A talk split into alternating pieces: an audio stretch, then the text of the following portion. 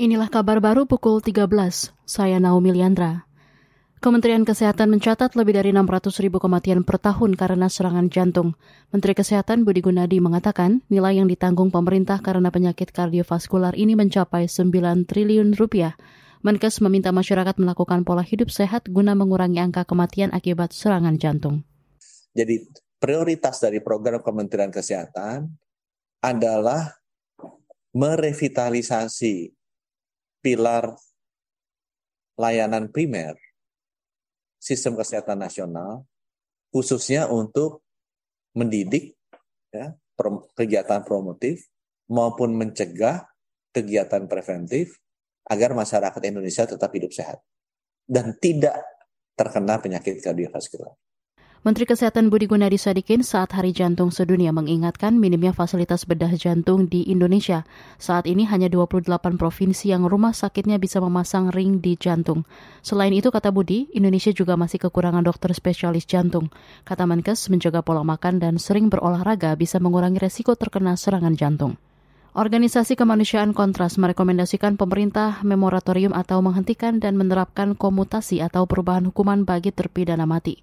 Koordinator Kontras Fatia Maulidianti yakin tingginya vonis hukuman mati di Indonesia tidak bisa menimbulkan efek jerah jika tidak berdasarkan kebijakan rasional dan bukti. Yang pertama kami um, um, merekomendasikan pemerintah Indonesia untuk memiliki komitmen menetapkan moratorium dan juga sebetulnya di sini salah satunya adalah menerapkan komutasi terhadap para terpidana mati yang sudah mendekam di dalam penjara lebih dari 10 tahun. Lalu kedua, pemerintah juga harus berkomitmen untuk menghapus segala bentuk penyiksaan dan menjamin hak-hak dasar terpidana uh, di mana salah satunya adalah tidak melakukan penyiksaan untuk meraih informasi uh, dan pengakuan. Koordinator Kontras Fatia Maulidianti saat peringatan Hari Anti Hukuman Mati Sedunia meminta pemerintah mengakhiri penggunaan sel isolasi untuk terpidana mati. Sebab terpidana juga memiliki hak mengakses informasi dan komunikasi terhadap keluarga dan akses kesehatan yang layak. Kontras mencatat ada 31 vonis hukuman mati di Indonesia sejak Oktober 2021 hingga September 2022. Terdiri dari 23 kasus narkoba, 4 kasus pembunuhan, dan 4 kasus pemerkosaan. Kita ke berita luar negeri. Vietnam terpilih menjadi satu dari 14 negara anggota Dewan HAM PBB kemarin.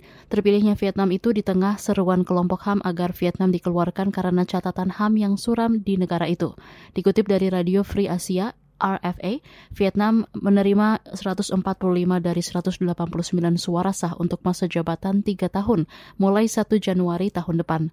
Vietnam juga disebut melakukan propaganda dan lobby agar terpilih menjadi anggota dewan.